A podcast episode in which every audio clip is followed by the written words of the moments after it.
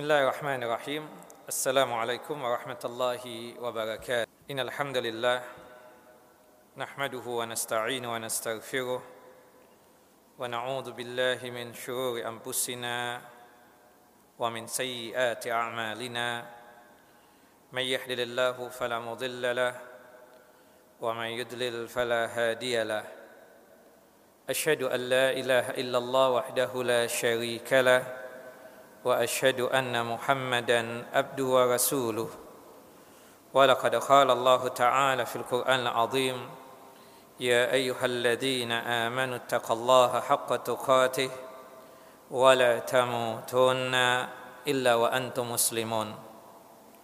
وبعد وبسخل صدري ويسر لي أمري واحلل عقدة من لساني يفقه قولي.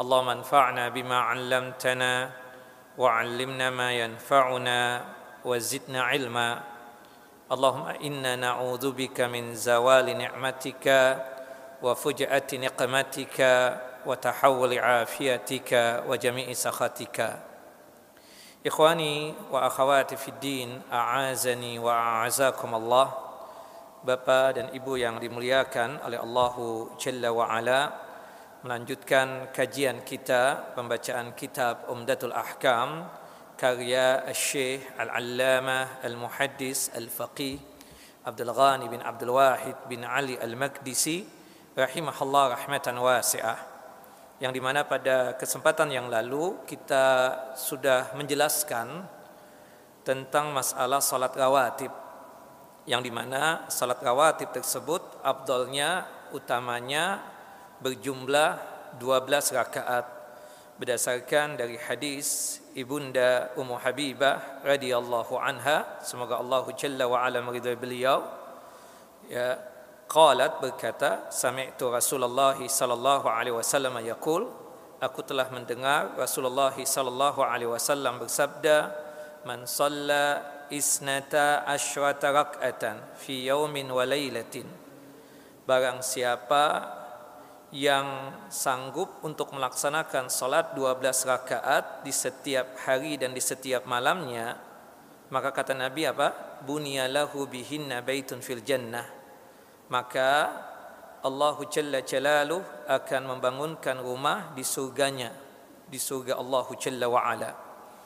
Nah ini yang afdal yang utama. Dan hadis ini derajatnya sahih dikeluarkan oleh Al-Imam Muslim di dalam kitab sahih beliau pada nomor hadis 728 dan hadis ini juga dikeluarkan oleh Al-Imam At-Tirmizi dalam kitab Sunan beliau pada nomor hadis 415 dan di dalam hadis Abdullah bin Umar sebagaimana yang kita jelaskan pada kesempatan yang lalu yang ini ada dalam kitab Umdatul Ahkam pada nomor hadis 73 itu menjelaskan bahwasannya salat rawatib tersebut jumlahnya ada 10 Artinya perbedaan antara hadis Ibunda Ummu Habibah dan hadis ya Abdullah ibnu Umar itu berkaitan dengan qabliyah zuhur.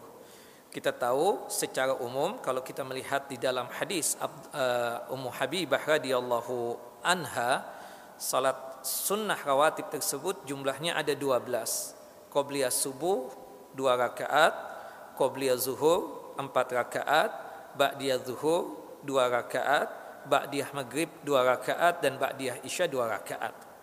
Nah, di dalam hadis Abdullah bin Umar itu juga seperti itu menjelaskannya. Cuma perbedaannya antara hadis Ibunda Ummu Habibah dengan hadis Abdullah bin Umar yaitu berkaitan tentang qabliyah zuhur.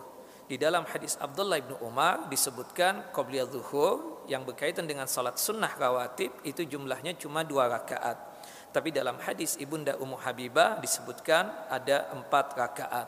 Bahkan Ibunda Ummu Habibah ketika menjelaskan tentang salat sunnah rawatib yang berjumlah 12 ini kata beliau, "Fama taraktuhunna mundu sami'tuhunna min Rasulillah sallallahu alaihi wasallam." Aku tidak meninggalkan 12 rakaat ini sejak aku mendengar hadis ini dari Nabi sallallahu alaihi wasallam. Nah, Kenapa saya katakan yang 12 rakaat berkaitan dengan rawatib ini lebih kuat dan lebih rajih? Ya, dikuatkan di dalam hadis Ibunda Aisyah radhiyallahu anha. Ibunda Aisyah mengatakan, "Kana Nabi sallallahu alaihi wasallam la yada'u arba'an qabla dhuhur." Bahwasanya Nabi sallallahu alaihi wasallam tidak pernah meninggalkan qabliyah zuhur yang empat rakaat. Artinya hadis Ibunda Aisyah dan hadis Ibunda Ummu Habibah mempertegas bahwasannya qabliyah zuhur tersebut empat rakaat ya bukan dua rakaat. Tapi sekali lagi jika sekiranya kita sanggup untuk mengerjakan 12 rakaat ini tentu abdolnya utamanya seperti itu. Tetapi jika sekiranya kita tidak sanggup untuk mengerjakan yang 12 rakaat berarti yang 10 rakaat. Nah, jadi perbedaannya sekali lagi cuma berkaitan dengan qobliyah zuhur. Dalam hadis Ibunda Ummu Habibah, qobliyah zuhur yang rawatib itu 4 rakaat, sedangkan hadis Abdullah bin Umar qobliyah zuhurnya cuma sebatas 2 rakaat. Timbul pertanyaan di antara ikhwan fiddin a'azani wa azakumullah berkaitan tentang masalah ya ba'diyah isya. Apakah ba'diyah isya tersebut ya rawatibnya dua rakaat ataukah empat rakaat? Nah ini yang menjadi pembahasan juga pada kesempatan yang lalu yang terhenti kita pada pembahasan ini.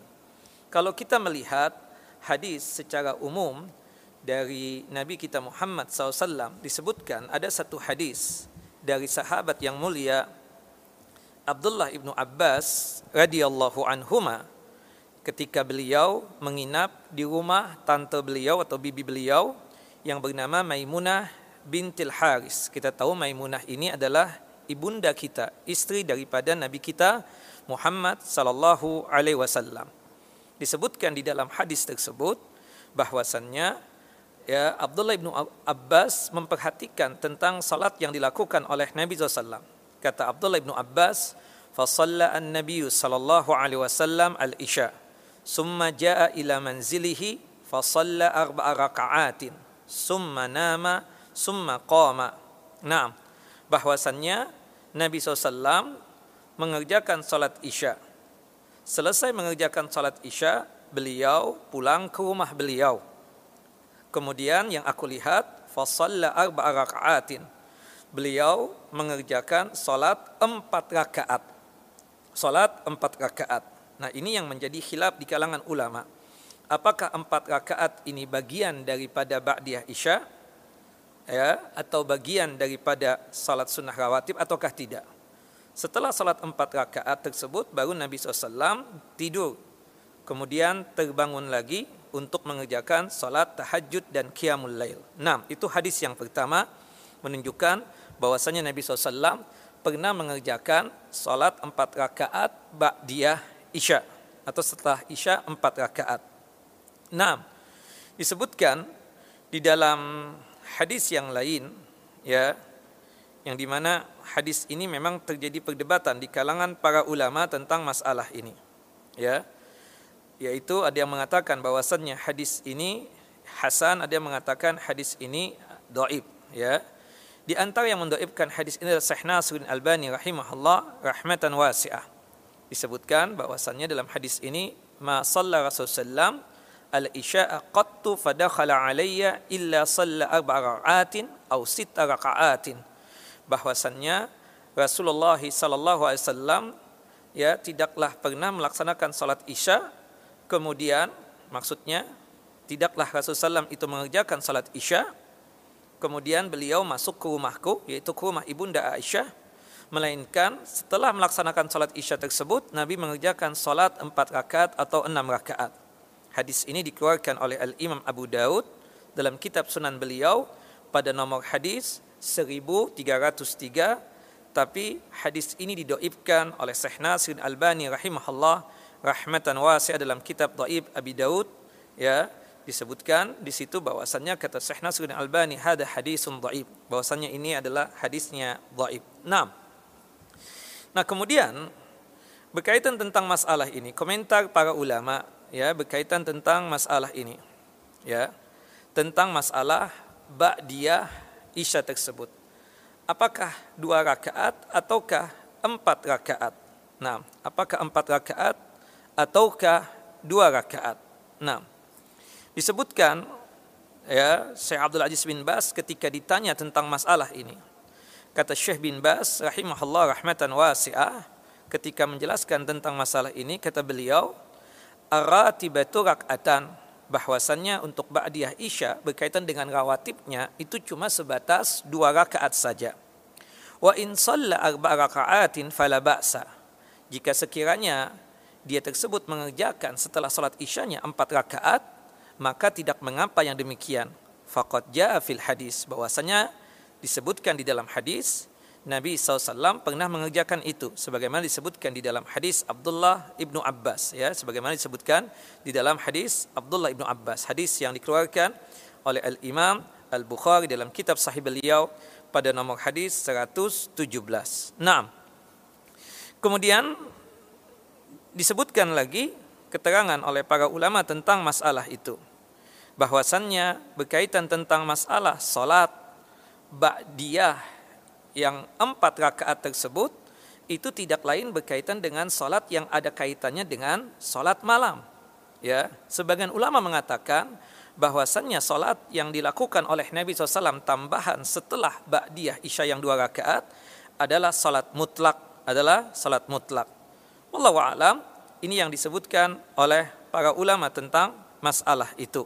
Nah, artinya kesimpulannya yang diterangkan oleh para ulama tentang masalah ini ya berkaitan tentang ba'diyah isya ya yang berkaitan dengan rawatibnya itu cuma sebatas kita katakan dua rakaat. Tapi jika sekiranya dia tersebut ingin mengerjakan empat rakaat maka tidak mengapa yang demikian. Itu berkaitan erat dengan salat sunnah mutlak ya berkaitan erat dengan masalah salat mutlak. Makanya ada sebagian ulama ketika menjelaskan tentang masalah ini ya. Tentu kita katakan ada yang mengatakan dan menjelaskan atau menyampaikan bahwasanya jika kita mengerjakan ba'diyah isya tersebut empat rakaat maka nilainya tersebut sama seperti kita menghidupkan malam ya Lailatul Qadar. Disebutkan di dalam satu riwayat tetapi hadis ini adalah hadis yang dhaif ya yang di mana dikatakan di dalam hadis tersebut man salal isya fi jama'atin wa salla arba'a raka'atin qabla an yakhruja minal masjid kana ka'idli lailatul qadar. Barang siapa yang salat isya berjamaah dan setelah salat isya berjamaah tersebut ya dia mengerjakan salat empat rakaat sebelum dia keluar dari masjid maka setara nilai dari salat yang dia kerja ter, dia kerjakan tersebut seperti dia menghidupkan malam Lailatul Qadar. Tetapi hadis ini ya dhaif didoibkan oleh para ulama hadis ya. Disebutkan lagi keterangan yang lain ya sebutkan bahwasannya man shalla arba'a raka'atin ya khalaf al-isya'il akhirah. Barang siapa yang mengerjakan salat isya Barang siapa yang mengerjakan salat empat rakaat setelah mengerjakan salat isya kemudian faqara'a fi rak'atainil awwalaini barang siap kemudian dia mengerjakan ketika dia mengerjakan ba'diyah isya tersebut empat rakaat. Di dua rakaat yang pertama dia membaca surah al-kafirun dan surah al-ikhlas. Jadi rakaat yang pertama membaca al-fatihah dilanjut dengan surah al-kafirun. Rakaat yang kedua membaca al-fatihah dengan surah al-ikhlas kul huwallahu ahad. Kemudian setelah itu wa qara'a fi rak'ataini al-akhiraini. Kemudian dia ya wa qara'a fi rak'ataini ukhrayaini. Kemudian setelah itu di dua rakaat yang terakhir dia membaca surah as-sajadah. Kemudian rakaat yang terakhirnya yang keempatnya membaca surah al-muluk ya. Maka disebutkan ya apa yang dia lakukan tersebut mengerjakan empat rakaat ka'arba'i raka'atin min lailatul qadar. Seperti dia menghidupkan malam lailatul qadar. Nah walhasil tentang pembahasan ini kita bisa membagi dua pembahasan. Yang pertama kalau kita melihat tentang masalah ini yang pertama yang kita akan bahas itu berkaitan tentang empat rakaatnya tersebut. Apakah ada ataukah tidak? Ya. Yang kedua jika kita mengerjakan ya empat rakaat tersebut apakah nilai pahalanya itu sebanding seperti menghidupkan malam Lailatul Qadar? Nah disebutkan di sini wa amma subut hadal fadl al warid fi hadal hadis fala tu'lam lahu aslan. Bahwasannya ya berkaitan tentang masalah ini keutamaan keutamaan tentang bahwasannya jika kita mengerjakan empat rakaat setelah salat isya ya itu fala yu'lamu aslan tidak diketahui secara hukum asalnya. Artinya tidak ada keterangan yang tentang demikian. Falam yasbut anin nabi sallallahu alaihi wasallam syai'un min dzalika mutlaqan.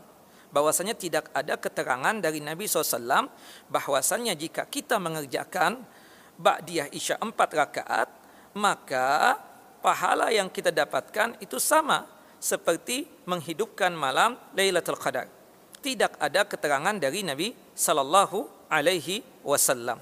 Nah, maka oleh sebab itu ya ketika ditanya tentang masalah hadis ini ya tidaklah pantas kita tersebut punya keyakinan.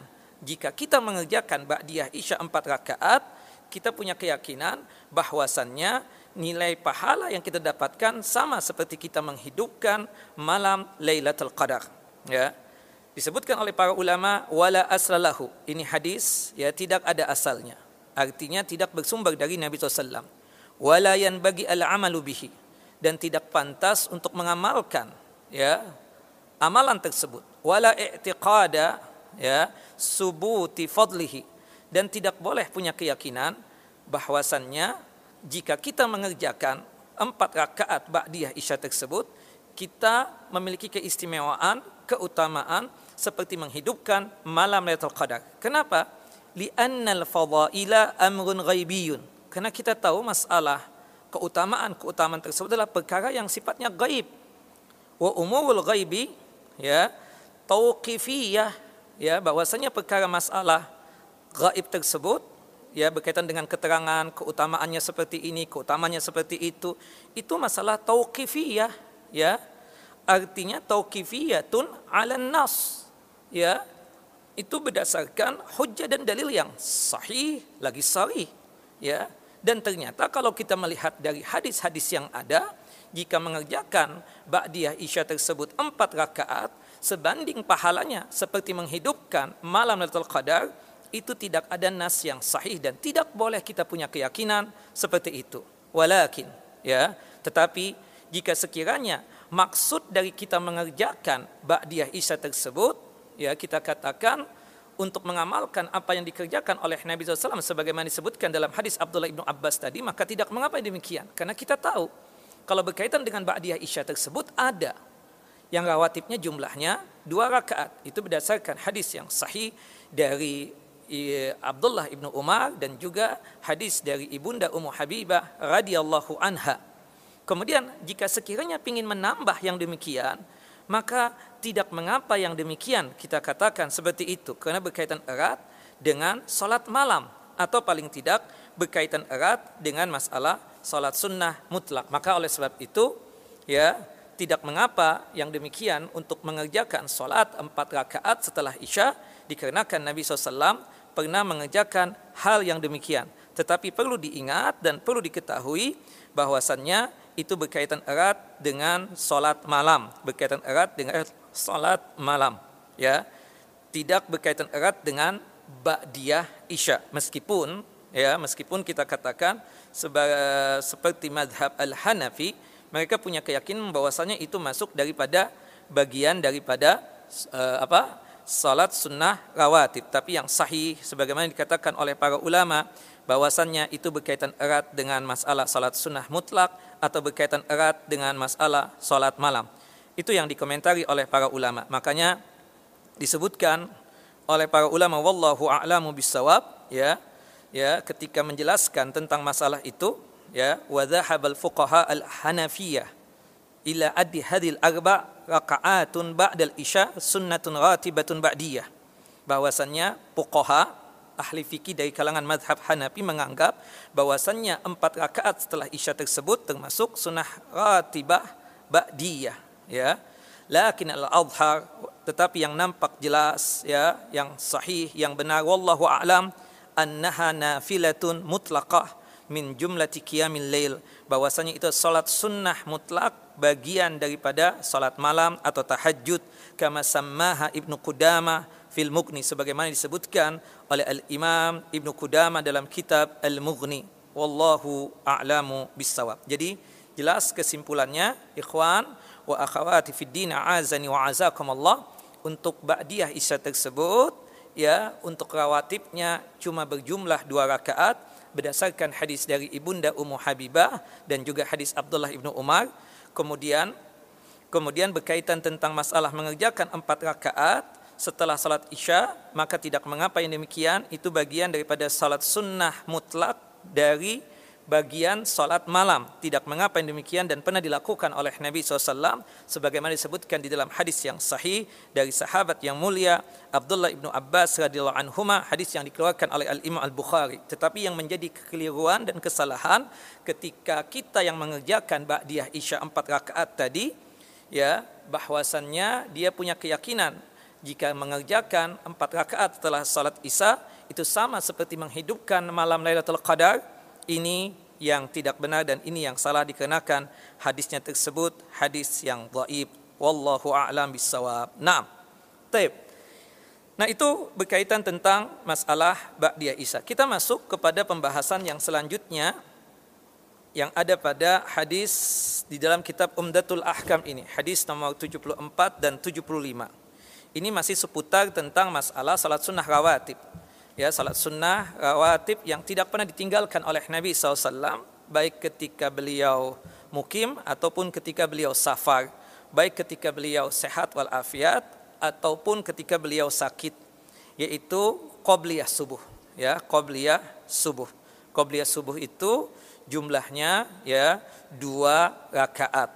Perlu diingat Bapak dan Ibu yang dimuliakan oleh Allah Jalla wa ala jika dikatakan qobliyah berarti pelaksananya itu setelah masuknya waktu salat subuh ya ditandai dengan hadirnya dan datangnya azan subuh tersebut. Adapun sebagian orang memahami membedakan antara qobliyah subuh dengan qobliyah fajar, mereka mengatakan kalau qobliyah fajar itu pelaksanaannya sebelum datangnya ya adzan subuh sedangkan qobliyah subuh ya ketika sudah datang adzan subuh ini kekeliruan juga. Ingat, qobliyah subuh dan qobliyah fajar itu sama, tidak ada bedanya. Itu sinonim, ya, persamaan kata. Wallahu a'lam. Nah, berkaitan dengan qobliyah subuh. Hadis Ibunda Aisyah radhiyallahu anha. Semoga Allah Jalla Jalalu meridai beliau.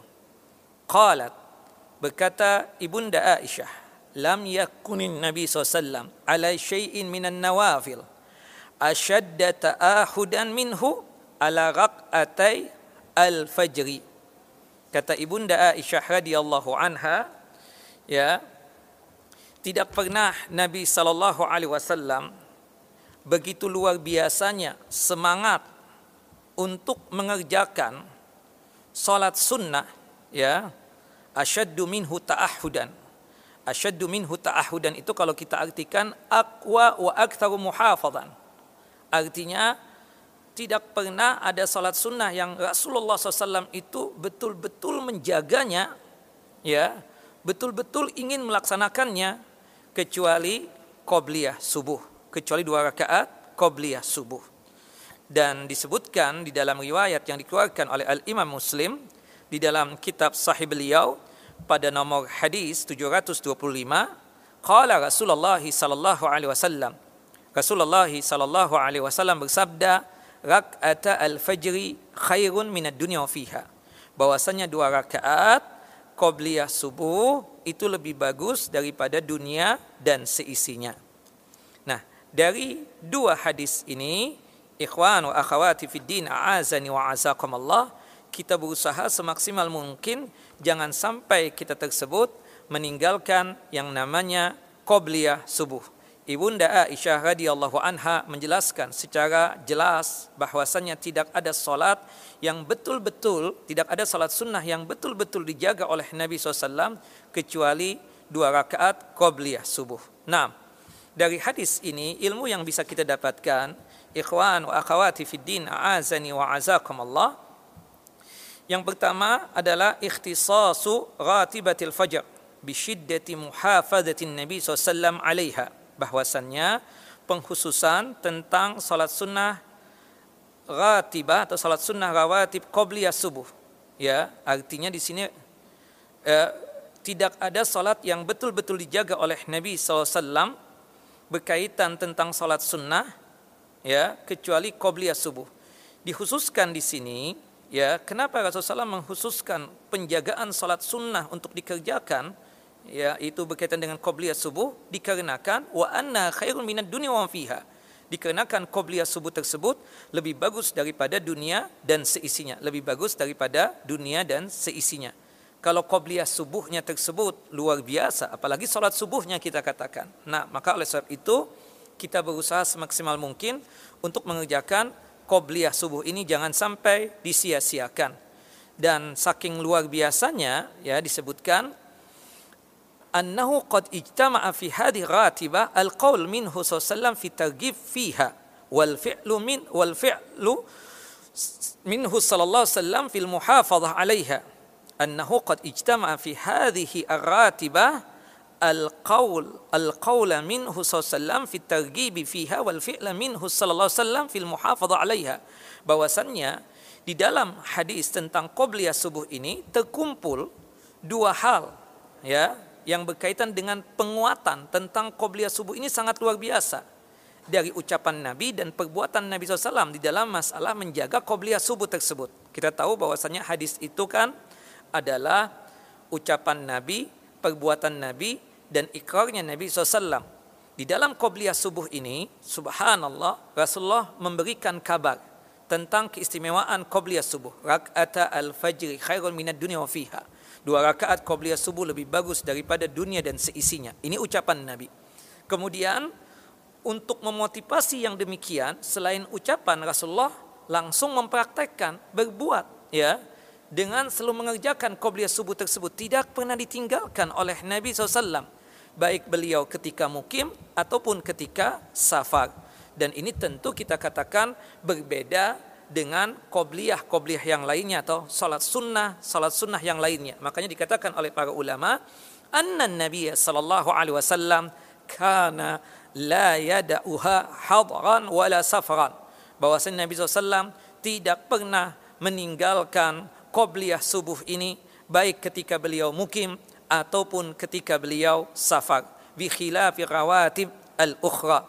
Dan ini beda dengan salat sunnah rawatib yang lainnya. Fa innahu kana yatrukuha fi safar karena untuk rawatib yang lainnya ditinggalkan oleh Nabi SAW ketika beliau safar. Wallahu taala alam. Hanya Allahu jalla wa ala ya hanya Allah taala yang maha tahu tentang masalah itu. Cuma sekedar info sekedar tambahan ilmu perlu diingat kenapa Nabi Shallallahu alaihi wasallam tidak mengerjakan rawatib yang lain kecuali qobliyah subuh ketika safar dikarenakan ketika safar tersebut Nabi Shallallahu alaihi wasallam melakukan jamak dan melakukan qasar.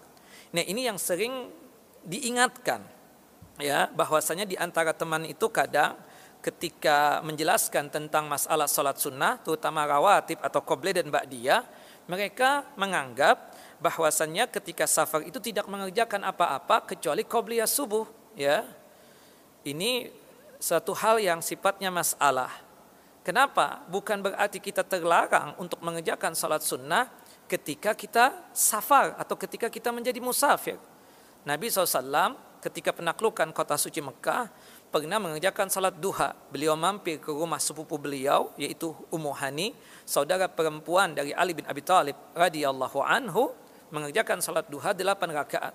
Begitupun juga dalam hadis Abdullah bin Umar, tahajud, qiyamul lail dan witir tetap beliau lakukan meskipun di waktu safar. Nah, sedangkan qobliyah dan ba'diyah tidak dikerjakan oleh Nabi kecuali qobliyah subuh dikarenakan bahwasanya beliau melakukan jamak dan qasar. Jamak itu artinya menggabungkan dua solat. Paketnya cuma ada dua. Pertama zuhur dan asar, yang kedua adalah maghrib dan isya. Kemudian qasar. Qasar itu meringkas solat. Yang empat jadi dua rakaat zuhur, asar dan isya. Sebagaimana yang Allah Jalla Jalalu firmankan di dalam surah An-Nisa surah yang keempat ayat 101 wa idza darabtum fil ardi fala junaha alaikum an taksuru minas salah. Apabila kalian safar maka tidak mengapa buat kalian untuk meringkas salat yang empat menjadi dua rakaat. Dan kita tahu tujuan daripada safar tersebut tidak lain adalah ya tujuan daripada jamak salat dan qasar salat tujuan daripada jamak dan qasar salat tersebut tidak lain tujuannya adalah untuk meringankan kita. Makanya diizinkan oleh Allah Jalla Jalalu untuk menjamak dan mengqasar salat tujuannya untuk meringankan. Nah kalau Allah Jalla wa ala memberikan rukhsah dan keringanan hendaknya rukhsah dan keringanan tersebut diambil ya.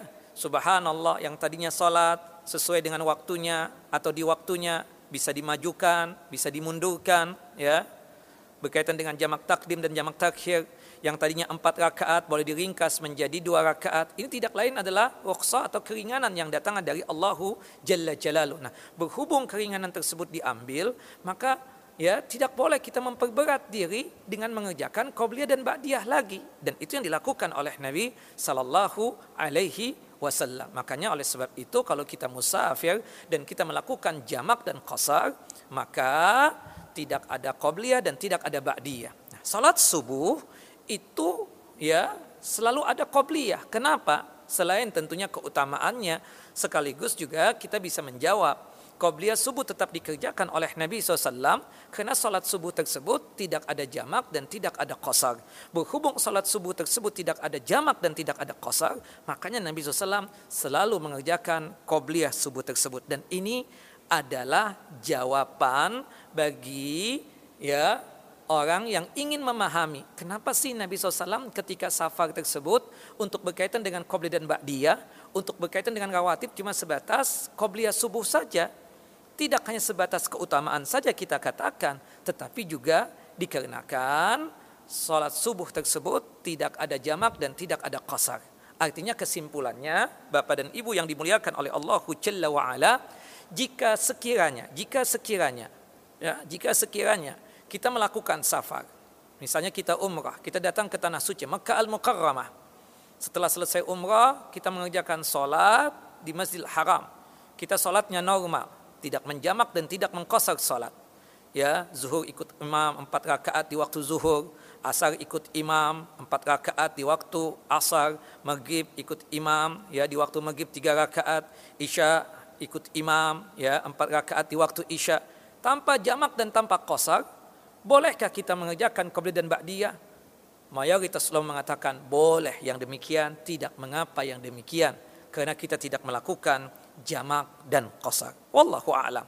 Tapi yang jelas qobliyah subuh tersebut sangat luar biasa. Bahkan penekanannya sangat luar biasa. Kata Ibunda Aisyah tadi, lam yakunin Nabi SAW ala syai'in minan nawafil asyadda minhu ta'ahudan ala raq'ati al-fajr. Ya, bahwasannya Nabi SAW ya berkaitan tentang qabliyah subuh tersebut tidak ada salat sunnah yang sangat luar biasa Rasulullah jaga kecuali qabliyah subuh tersebut. Nah, saking luar biasanya untuk qabliyah subuh ini ya sepakat ulama jika kita ketinggalan boleh untuk mengqadanya, boleh untuk mengqadanya ya. Sebagaimana yang disebutkan di dalam hadis yang sahih ya. Disebutkan di dalam hadis Qais bin Ammar radhiyallahu anhuma. Semoga Allah jalla wa ala meridai beliau. Qala berkata Qais bin Ammar ra'a Rasulullah SAW rajulan yusalli ba'da salati subuh rak'ataini. Faqala Rasulullah salatu subuh rak'atan? Ya subhanallah. Faqala rajul inni lam akun salaitu rak'ataini allataini qablahuma fasallaituhuma al-an fasakata Rasulullah sallallahu alaihi wasallam. Bahwasanya diceritakan Rasulullah SAW melihat seseorang yang sholat setelah melaksanakan sholat subuh. Kita tahu setelah sholat subuh tidak ada sholat sunnah. La sholat ba'da sholat subuh. Tidak ada sholat sunnah. Ya, Rasulullah SAW memanggil orang tersebut. Disebutkan dalam riwayat yang lain, orang yang mengerjakan sholat setelah sholat subuh tersebut ya Qais bin Amr itu sendiri. Ya, Rasulullah mengatakan, sholat subuh kan dua rakaat, kenapa antum sholat lagi? Kemudian orang itu mengatakan, Ya Rasulullah, yang aku kerjakan tadi dua rakaat, ya tidak lain aku tadi ketika sampai ke masjid ini belum sempat untuk mengerjakan qobliyah subuh. Yang dua rakaat yang aku kerjakan setelah salat subuh tadi tidak lain adalah mengqadha qobliyah subuh. Fasakata Rasulullah SAW. Rasulullah diam dan diamnya Rasulullah SAW menunjukkan bahwasannya apa yang dilakukan oleh sahabat tersebut benar adanya.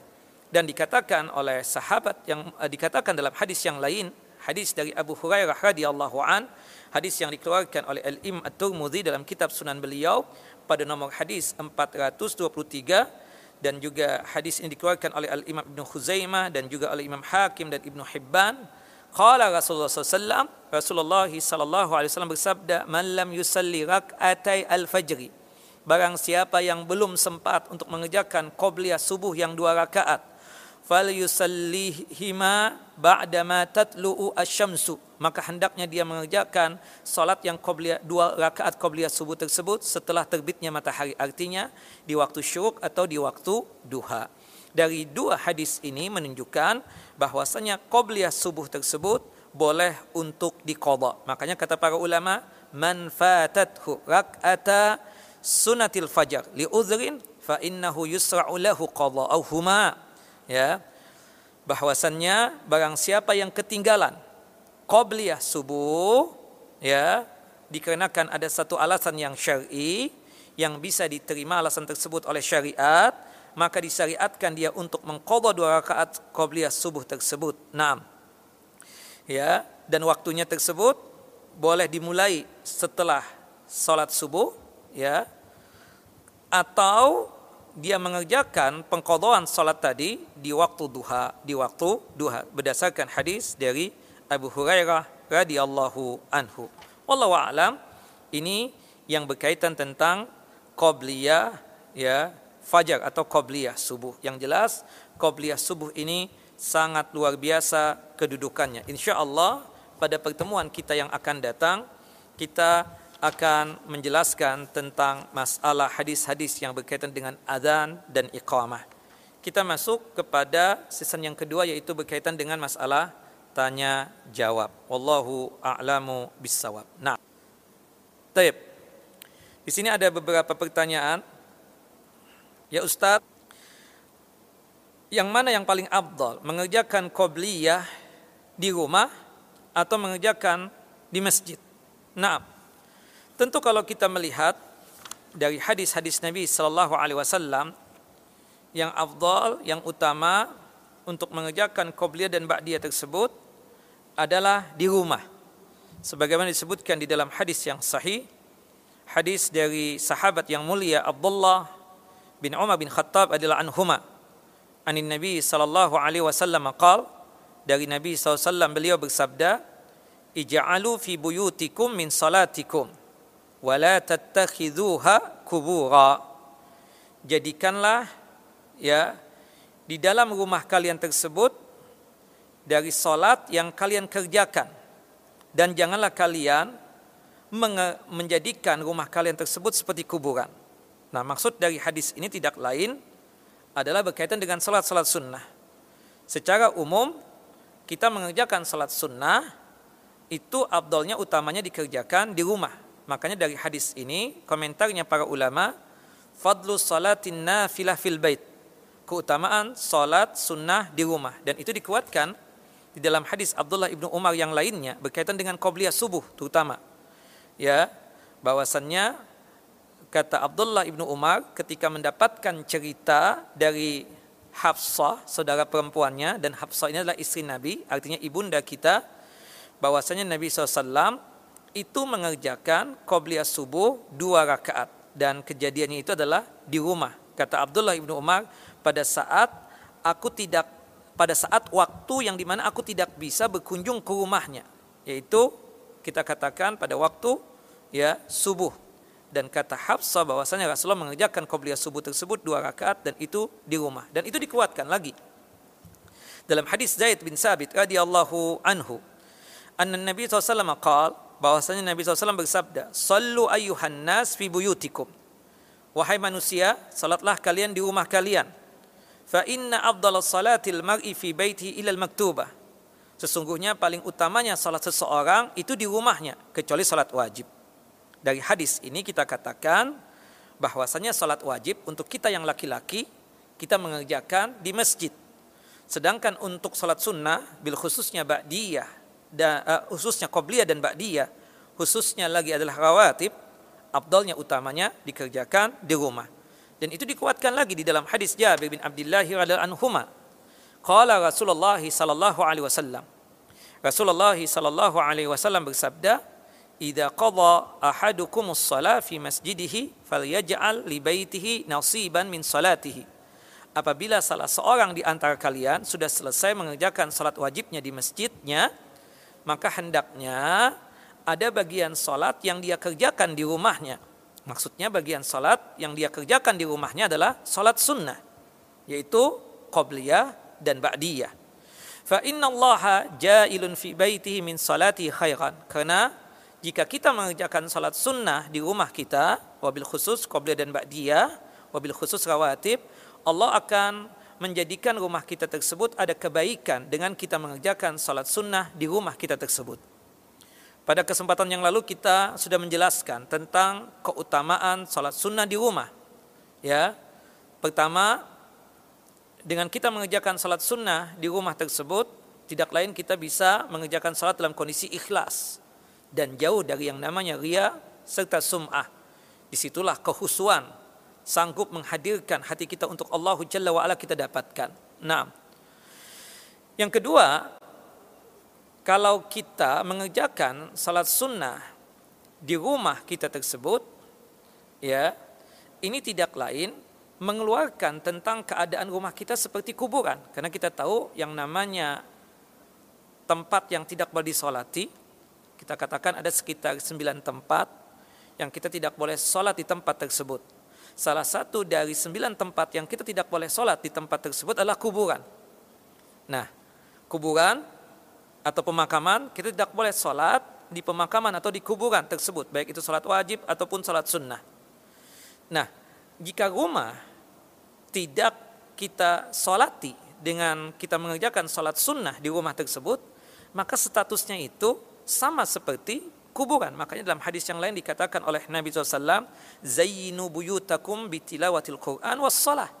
Hiasilah rumah kalian dengan kalian membaca Al-Quran di rumah kalian dan juga hiasilah rumah kalian tersebut dengan mengerjakan salat sunnah di rumah kalian tersebut. Nah, dengan kita mengerjakan salat sunnah di rumah kita, wabil khususnya rawatib, maka menghilangkan keadaan rumah kita tersebut seperti kuburan. Nah, Kemudian tentu kita katakan dengan kita mengerjakan salat sunnah di rumah kita tersebut, maka insya Allah kita akan mendapatkan kebaikan yang dijanjikan. Kita akan sebutkan lima kebaikan yang dijanjikan oleh Allah dan Rasulnya ketika kita mengerjakan salat sunnah di rumah kita. Yang pertama, nuzul rahmah fil bait. Rahmatnya Allah dan kasih sayangnya Allah Jalla wa'ala turun di rumah kita. Subhanallah. Ya.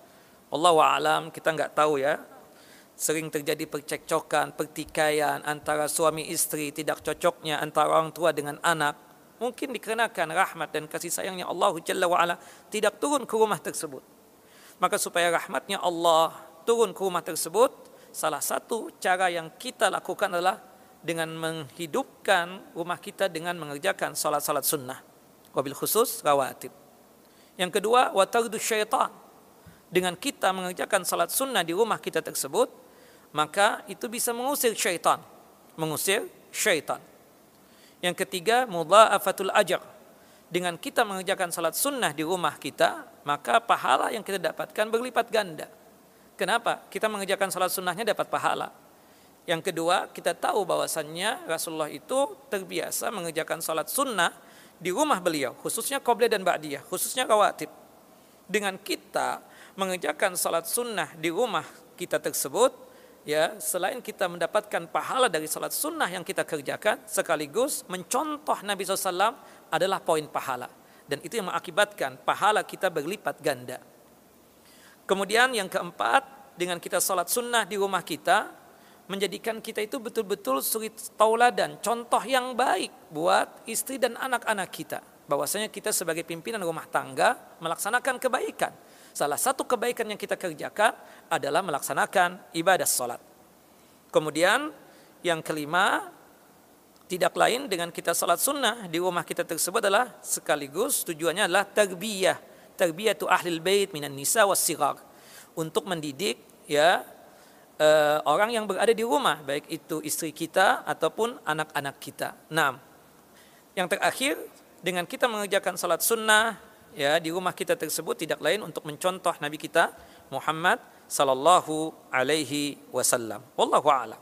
Nah, kemudian di sini ada pertanyaan, Ustadz adakah bacaan doa khusus setelah ya salat sunnah qobliyah?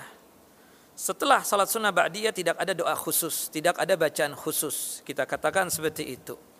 Ya, adapun berkaitan dengan salatnya kita katakan iya. Kalau berkaitan dengan masalah bicara tentang masalah salatnya kita katakan berkaitan dengan pembacaan surah yang biasa dilakukan oleh Nabi SAW untuk rakaat yang pertama ya beliau itu membaca surah Al-Kafirun. Rakaat pertama Al-Fatihah dilanjutkan dengan surah Al-Kafirun. Rakaat yang kedua yang biasa dibaca oleh Nabi SAW adalah surah Al-Fatihah dengan surah Al-Ikhlas. Nah, adapun selesai melaksanakan ibadah salat tersebut, kita katakan ya tidak ada doa khusus yang dibaca. Adapun kalau kita ingin berdoa secara umumnya, maka tidak mengapa yang demikian karena kita tahu doa antara adzan dan iqamah itu diijabah dan dikabulkan oleh Allahu Jalla Jalaluh. Artinya kalau sekiranya kita tersebut ya kalau kita sekiranya tersebut ya berdoa setelah melaksanakan salat sunnah qabliyah subuh doa yang sifatnya umum maka insya Allah diijabah dan dikabulkan oleh Allah Jalla wa ala. Disebutkan di dalam hadis yang sahih qala Rasulullah SAW Rasulullah sallallahu alaihi wasallam bersabda doa bainal adhan wal iqamah la yurad bahwasanya doa di antara adzan dan iqamah tersebut tidaklah ditolak oleh Allah Jalla wa ala. Artinya dikabulkan oleh Allah Jalla wa ala. Ya tidak dan dikatakan oleh para ulama berkaitan tentang masalah itu yang perlu kita peringatkan di sini la yasbut anin nabi sallallahu syai'un fid du'a ba'dal faraq min raq'atai al fajr ya tidak ada keterangan dari Nabi SAW ya bahwasannya setelah selesai melaksanakan qobliyah subuh ya berdoa.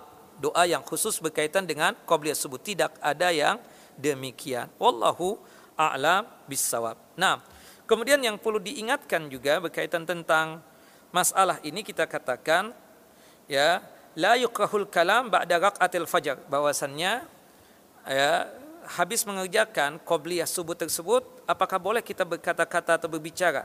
Bila khususnya kita doa antara adzan dan iqamah atau doa sebelum melaksanakan salat wajib subuh. Ya. Maka tidak mengapa yang demikian. Ya. Ini khilaf ya, khilafan lima warada an ba'di ashabin Nabi sallallahu wa ghairihim ka Ahmad wa Ishaq min karahatil kalam ba'da tulu'il fajar hatta yusalli al-fajr illa ma kana min zikrillah au mimma la budda minhu. Bahwasannya ya apa yang di dilakukan setelah qobliyah subuh tersebut pingin doa-doa atau bicara ada hajatnya tidak mengapa yang demikian ya ini bantahan kepada orang yang mengatakan bahwasanya kita tidak boleh berbicara apa-apa setelah mengerjakan qobliyah subuh sampai kita mengerjakan salat subuhnya sampai kita mengerjakan salat subuhnya. Kenapa? Tidak ada dalil yang menjelaskan itu. Idla dalila ala dalik tidak ada dalil yang menjelaskan tentang masalah yang demikian. Wallahu a'lamu bissawab. Nah jadi sekali lagi kita tegaskan tidak ada doa khusus setelah kita mengerjakan qobliyah subuh nah setiap habis safar, kita salat sunnah dua rakaat. Apakah harus di masjid? Memang kalau kita melihat ya praktek yang dilakukan oleh Abdullah ibnu Umar seperti itu. Kalau bisa di masjid yang ada di kampung kita atau di komplek kita. Tapi kalau kita tidak bisa, maka tidak mengapa yang demikian untuk kita kerjakan di rumah.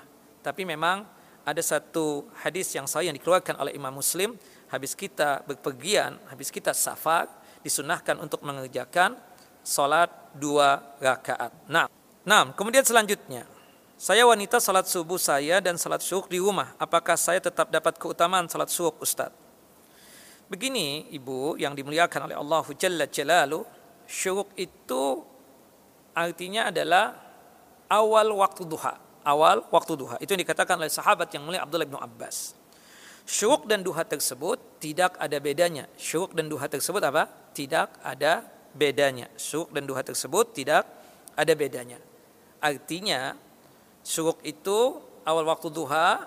Kapan sih waktu duha tersebut? Itu 10 menit setelah terbitnya matahari atau 15 menit setelah terbitnya matahari. Berarti sudah masuk waktu syuruk. Nah, awal waktu duha diistilahkan dengan istilah syuruk atau isyrok. Berakhirnya salat duha tersebut adalah 10 menit atau 15 menit sebelum zuhur. Nah, kita kaitkan dengan apa yang ibu tanyakan ini ada satu hadis yang menjelaskan tentang masalah itu.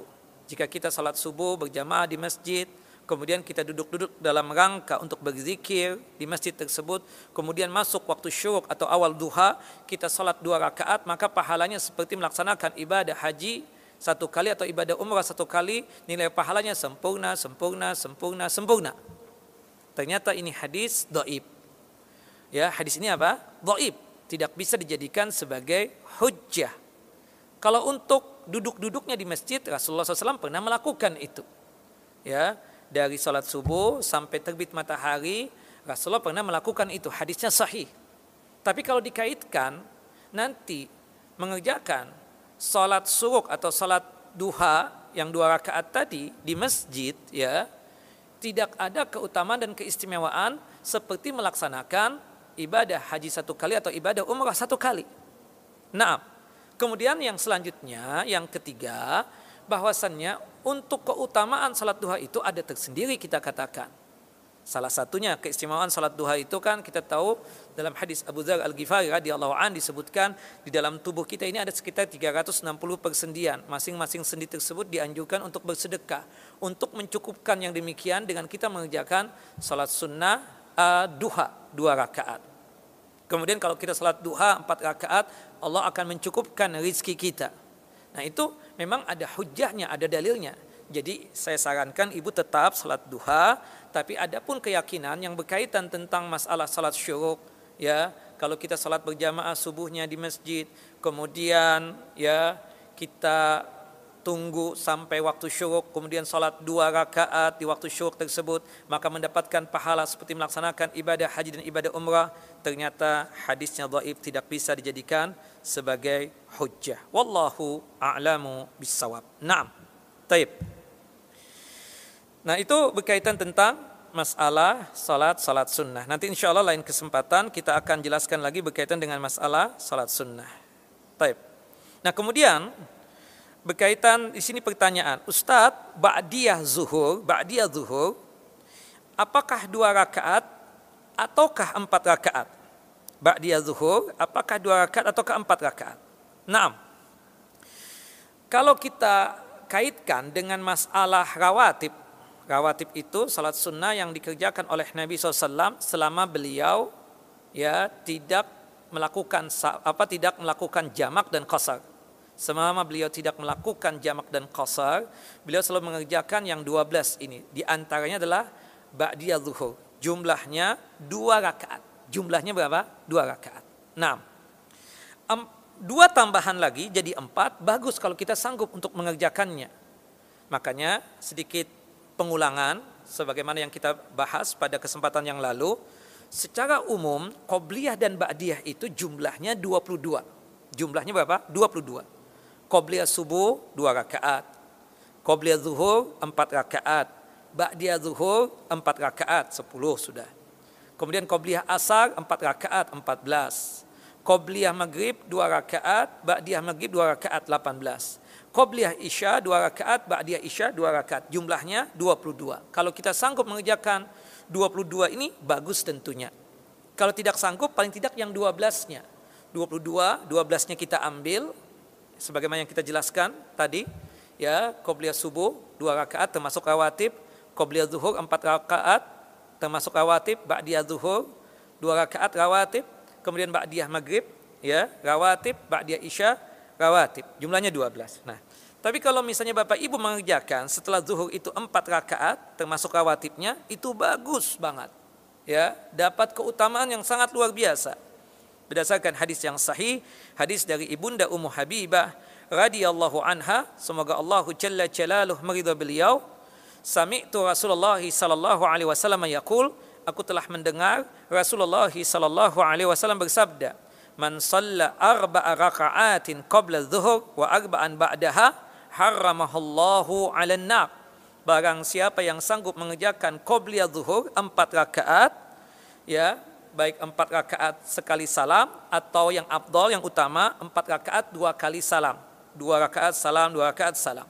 Wa arba'an ba'daha, kemudian setelah salat zuhur kita mengerjakan salat sunnah ba'diyahnya empat rakaat lagi, ya artinya qobliyah zuhur empat rakaat, ba'diyah zuhur empat rakaat, maka yang kita dapatkan apa? Allah mengharamkan kita dari siksa api neraka. Nah jadi bagi kita yang sudah terbiasa mengerjakan qobliyah zuhur empat rakaat dan ba'diyah zuhur empat rakaat bagus, jangan ditinggalkan. Tapi kalau tidak sanggup mengerjakan empat rakaat setelah sholat zuhur, paling tidak yang rawatibnya yaitu dua rakaat. Yang jelas keistimewaannya sangat luar biasa. Bagi kita yang sanggup mengerjakan qobliyah zuhur empat rakaat, ba'diyah zuhur empat rakaat, maka Allah mengharamkan siksa api neraka buat kita. Hadis ini sahih, ya dikeluarkan oleh Al Imam Abu Daud dalam kitab Sunan beliau pada nomor hadis 1269 dan hadis ini juga dikeluarkan oleh Al Imam At-Tirmidzi dalam kitab Sunan beliau pada nomor hadis 428 dan hadis ini dikeluarkan oleh Al Imam An-Nasa'i dan juga oleh Al Imam Ibnu Majah, Imam Hakim ya dan juga oleh Al Imam Ahmad. Wallahu a'lamu bissawab. Naam. Kemudian ada pertanyaan lagi berkaitan tentang qobliyah asar apakah ada ataukah tidak ada? Qobliyah asar kita katakan ada, tapi bukan rawatib. Qobliyah asar itu ada, tapi bukan rawatib, ya, bukan rawatib. Ya, berdasarkan hadis dari sahabat yang mulia Abdullah ibnu Umar bin Khattab radhiyallahu anhuma, qala Rasulullah sallallahu alaihi wasallam, Rasulullah sallallahu alaihi wasallam bersabda, rahimahallahu ra'an salla arba'an qabla al-asr. Semoga Allah Jalla Jalalu memberikan rahmat dan kasih sayang kepada orang yang sanggup untuk mengerjakan qabliyah asar empat rakaat. Rahimahullah mura'an salla qabla al-asri arba'an. Ya hadis ini kita katakan derajatnya hasan ya ada yang mendoibkan benar kita katakan tetapi yang paling kuat derajat hadisnya adalah hasan dikeluarkan oleh al-imam Abu Daud Tirmidzi dan juga oleh Al Imam Ahmad. Syekh Nasr Albani mengatakan ini derajat hadisnya hasan. Artinya bisa kita amalkan. Dan itu dikuatkan di dalam hadis Ali bin Abi Talib radhiyallahu anhu bahwasanya Ali bin Abi Talib pernah melihat Nabi SAW mengerjakan salat qobliyah asar empat rakaat ya pernah mengerjakan salat qobliyah asar empat rakaat. Nah, jadi qobliyah asar tersebut boleh dikerjakan dua rakaat berdasarkan hadis yang umum. Hadis dari Abdullah bin Mughaffal radhiyallahu an qala Rasulullah baina kul baina kulli salatun. Di antara adzan dan iqamah itu ada salat sunnah dua rakaat. Ada salat sunnah dua rakaat. Hadis ini sahih dikeluarkan oleh Imam Bukhari Muslim artinya minimal minimal paling sedikit qabliyah asar itu dua rakaat tapi kalau antum mengerjakan empat rakaat tentu itu lebih bagus lebih baik nah Sebagian ulama mengatakan paling tidak seumur hidup kita pernah mengerjakan qabliyah asar itu empat rakaat untuk mendapatkan ini, ya kan? Tapi kalau kita sanggup untuk ya mengerjakan qabliyah asar dengan keseringannya kita, maka itu tentu lebih baik buat kita. Seperti itu. Wallahu a'lamu bissawab. Yang jelas qabliyah asar tersebut ada, kita katakan qabliyah asar tersebut ada ya. Qabliyah asar tersebut ada mau dua rakaat ataupun empat rakaat. Tetapi qobliyah asar tersebut bukanlah rawatib. Ya, rawatib itu kalau hadis ibunda Ummu Habibah jumlahnya ada 12, ya, itu yang abdal, itu yang utama. Kalau hadis uh, Abdullah ibnu Umar radhiyallahu anhuma itu jumlah rawatib jumlahnya ada 10. Wallahu a'lamu bissawab. Nah, termasuk juga qobliyah maghrib. Qobliyah maghrib itu juga ada meskipun bukan rawatib. Disebutkan di dalam hadis yang sahih ya hadis dari Abdullah bin Mughaffal Al-Muzani radhiyallahu anhu anna Nabi SAW qal bahwasanya Nabi SAW bersabda sallu qabla al-maghrib sallu qabla al-maghrib sallu qa summa qala fi salisa liman syaa salatlah qabliyah maghrib dua rakaat tentunya. Salatlah qabliyah maghrib salatlah qabliyah maghrib. Kemudian yang ketiga bagi yang ingin bagi yang mau. Ya artinya qabliyah seluruh salat yang lima waktu itu ada qabliyahnya minimal dua rakaat kita katakan minimal dua rakaat. Nah qabliyah isya juga ada. Jadi qabliyah asar qabliyah is, qabliyah maghrib dan qabliyah isya ada salat sunnahnya. Cuma bukan rawatib. Untuk qabliyah yang rawatib itu cuma sebatas qabliyah subuh dan qobliyah zuhur saja. Wallahu alam. Sebagai penutup sekali lagi ya qobliyah e, berkaitan dengan masalah rawatib tersebut yang raji yang benar jumlahnya ada 12 rakaat berdasarkan hadis dari ibunda Ummu Habibah radhiyallahu anha. Itu jumlahnya ada 12 qobliyah subuh 2 rakaat qobliyah zuhur 4 rakaat ba'diyah zuhur 2 rakaat ba'diyah maghrib 2 rakaat dan ba'diyah isya 2 rakaat. Ba'diyah isya dua rakaat itu yang disebutkan di dalam hadis ibunda Ummu Habibah radhiyallahu anha. Wallahu a'lamu bissawab. Nah, Tep, di sini ada pertanyaan lagi. Ustadz saya lupa, apakah saya sudah tahiyat awal ataukah belum? Kalau ternyata belum, padahal saya sudah rakaat ketiga harus bagaimana? Jika sekiranya ibu lupa, ketika rakaat yang kedua kan seharusnya, misalnya salat zuhur, di rakaat yang kedua ibu lupa ya bahwasannya ya belum tasyahud yang pertama. Baru ingat ketika sudah naik ya berdiri untuk rakaat yang ketiga. Ketika sudah dalam posisi berdiri tegak meskipun ibu ingat maka tidak perlu untuk duduk lagi ya untuk tasyahud lagi. Nanti untuk mencukupkan agar sholat ibu tetap dianggap sempurna nanti sebelum salam ya setelah tasyahud setelah salawat nabi setelah doa sebelum salam ya sebelum salam lakukan sujud sahwi dua kali sujud. Lakukan sujud sahwi dua kali sujud ya. Berdasarkan hadis dari sahabat yang mulia Abdullah bin Buhainah radhiyallahu anhu. Wallahu alam. Jadi yang ibu lakukan adalah sujud sahwi dua kali sujud. Nah wallahu alam. Apabila saya sholat kalau duduk iftiras kadang sakit kalau lagi sakit saya mencari posisi duduk yang tidak sakit. Apakah boleh yang demikian? Bapak, Ibu berkaitan dengan keadaan salat terutama tentang masalah keadaan duduk, iftiras, tawaru ya. Itu hukumnya adalah sunnah, bukan wajib. Ya, dan kita mengerjakan itu sesuai dengan kemampuan kita. Ya, sesuai dengan kemampuan kita. Iftiras itu ya kalau kita salat zuhur misalnya kan dua kali tasyahud ya itu untuk tasyahud yang pertama duduknya iftiras. Untuk tasyahud yang kedua terakhir itu duduknya tawaku. Jika sanggup seperti itu, itu utamanya, abdolnya. Tetapi jika kita sakit ya, nggak kuat duduk iftiras atau nggak kuat duduk apa tawaku, maka duduklah sesuai dengan kemampuan kita.